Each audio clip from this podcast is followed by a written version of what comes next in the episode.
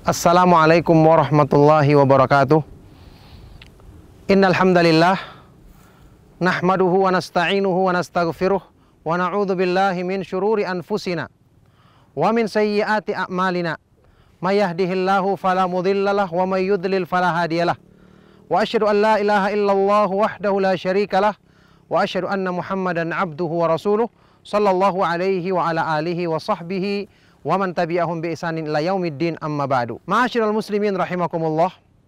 Salah satu di antara buah termanis beriman kepada Allah Subhanahu wa taala dan mengenal keindahan, kemahaindahan nama-namanya dan kesempurnaan sifat-sifatnya adalah kita akan selalu bersangka baik, berpengharapan baik terhadap segala ketentuan yang Allah Subhanahu wa taala berlakukan kepada manusia. Ini merupakan ciri keimanan yang sempurna. Dalam sebuah hadis riwayat Imam Muslim, Rasulullah sallallahu alaihi wasallam bersabda, "Dzaka ta'mal iman man radiya billahi rabban wa bil islami dinan wa bi Muhammadin sallallahu alaihi wasallam rasula." Akan merasakan kelezatan iman, iman yang sempurna. Orang yang ridho kepada Allah sebagai Robnya, kepada Islam sebagai agamanya dan kepada Nabi Muhammad sallallahu alaihi wasallam sebagai rasul panutannya.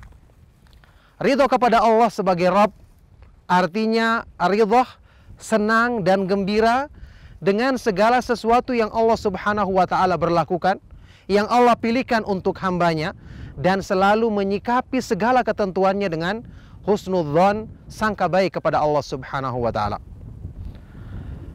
Ma'asyiral muslimin rahimakumullah. Kita mengetahui Allah Subhanahu wa taala memiliki nama atau sifat yang sempurna di antaranya adalah fa'alul lima yurid. Maha berbuat apa yang dikehendakinya.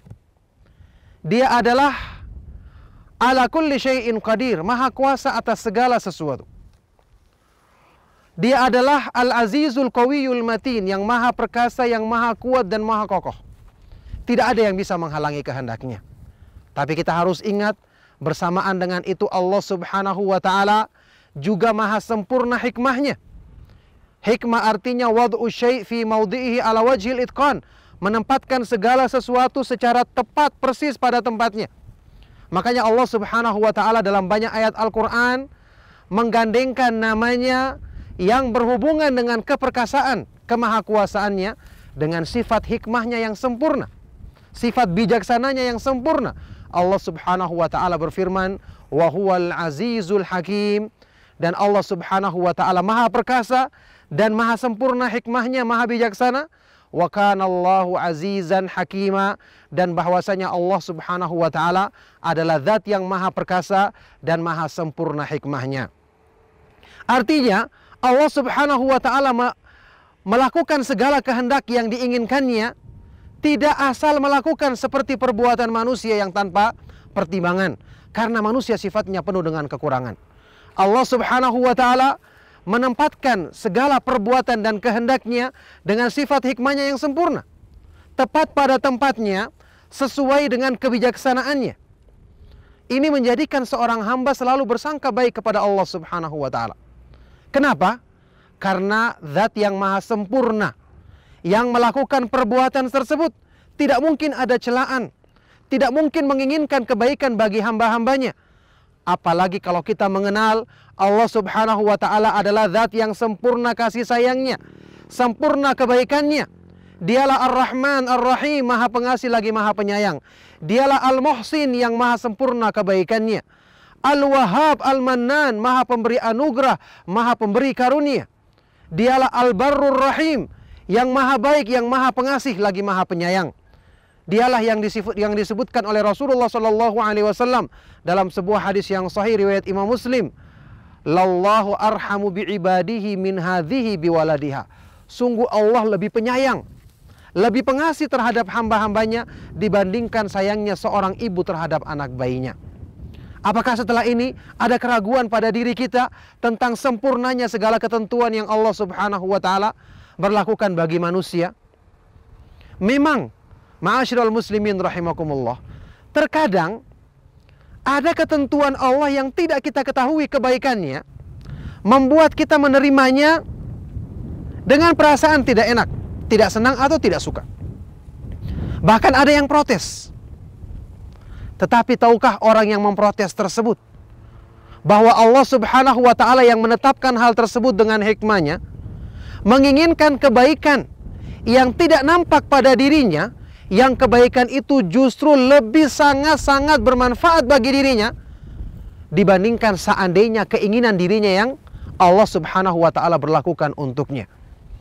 Allah Subhanahu wa taala di antara namanya yang maha indah adalah Al-Latif yang maha lembut, maha halus, termasuk kebaikannya sampai kepada hamba-hambanya, banyak dari hal-hal yang tidak disadari oleh hamba tersebut bahwa itu adalah kebaikan untuknya. Makanya Allah Subhanahu wa taala berfirman dalam Al-Qur'an menyatakan kepada manusia tentang ketidaktahuan mereka, keterbatasan pengetahuan mereka. Sedangkan Allah Subhanahu wa taala dialah yang maha sempurna pengetahuannya, yang maha sempurna kehendak untuk kebaikan bagi manusia, Allah Subhanahu wa taala berfirman, "Kutiba alaikumul qitalu wa huwa kurhul lakum, wa asa an takrahu syai'an wa huwa khairul lakum, wa asa an tuhibbu syai'an wa huwa syarrul lakum, wallahu ya'lamu wa antum la ta'lamun."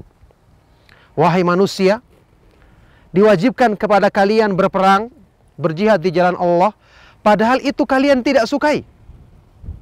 Bisa jadi wahai manusia, kalian membenci sesuatu padahal itu justru baik bagimu? Atau bisa jadi kalian menyukai sesuatu padahal itu justru buruk bagimu? Wallahu ya'lamu wa antum la ta'lamun.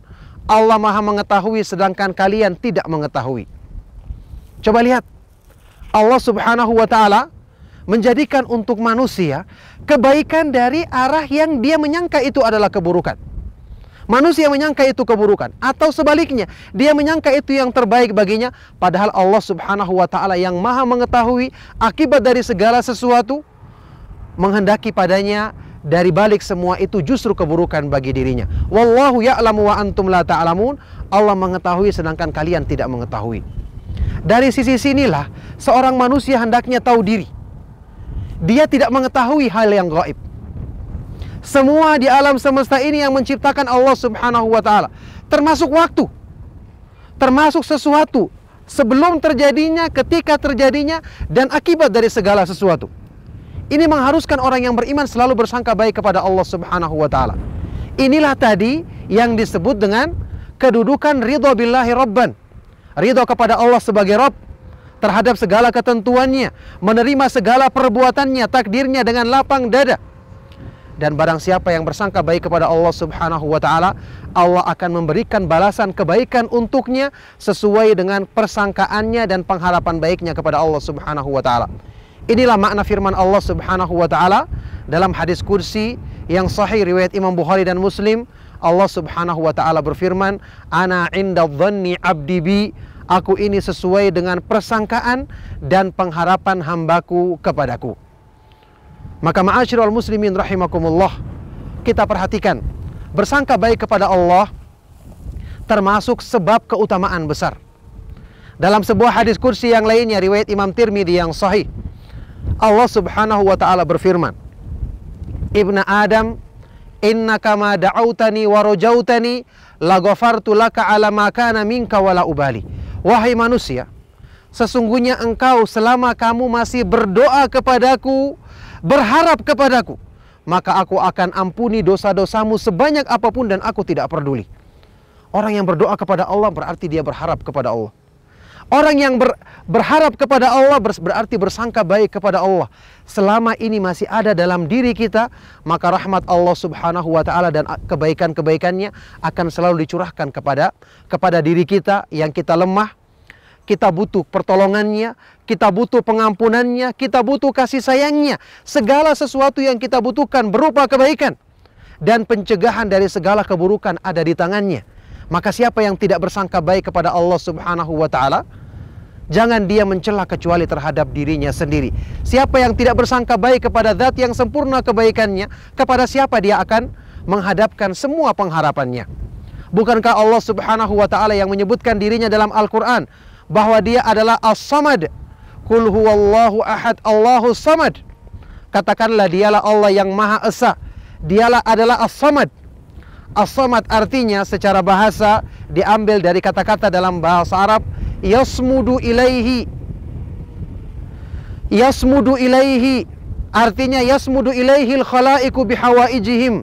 Semua makhluk menghadapkan hatinya kepada Allah dengan segala kebutuhan dan keperluan mereka karena mereka tahu segala kebutuhan yang bisa memenuhinya cuma Allah Subhanahu wa taala. Segala kebaikan yang diharapkan makhluk ada di tangan Allah Subhanahu wa taala. Segala yang dibutuhkan untuk perlindungan dari semua keburukan cuma Allah Subhanahu wa taala yang maha kuasa untuk melakukannya. Maka inilah ma'asyiral muslimin rahimakumullah buah dari memahami dan mengenal kesempurnaan nama-nama Allah Subhanahu wa taala, kemahaindahan nama-nama dan sifat-sifat Allah Subhanahu wa taala akan menjadikan kita semakin merenungkannya, semakin mencintai Allah Subhanahu wa taala yang ini akan semakin menyempurnakan penghambaan diri kita kepadanya. Benarlah Imam Ibnu Qayyim rahimahullah taala yang mengatakan, "Man arafallaha bi asma'ihi wa sifatihi ahabbahu la mahalata." Barang siapa yang mengenal Allah dengan nama-namanya yang maha indah, sifat-sifatnya yang maha sempurna, perbuatan-perbuatannya yang maha terpuji, maka dia pasti akan mencintai Allah Subhanahu wa taala.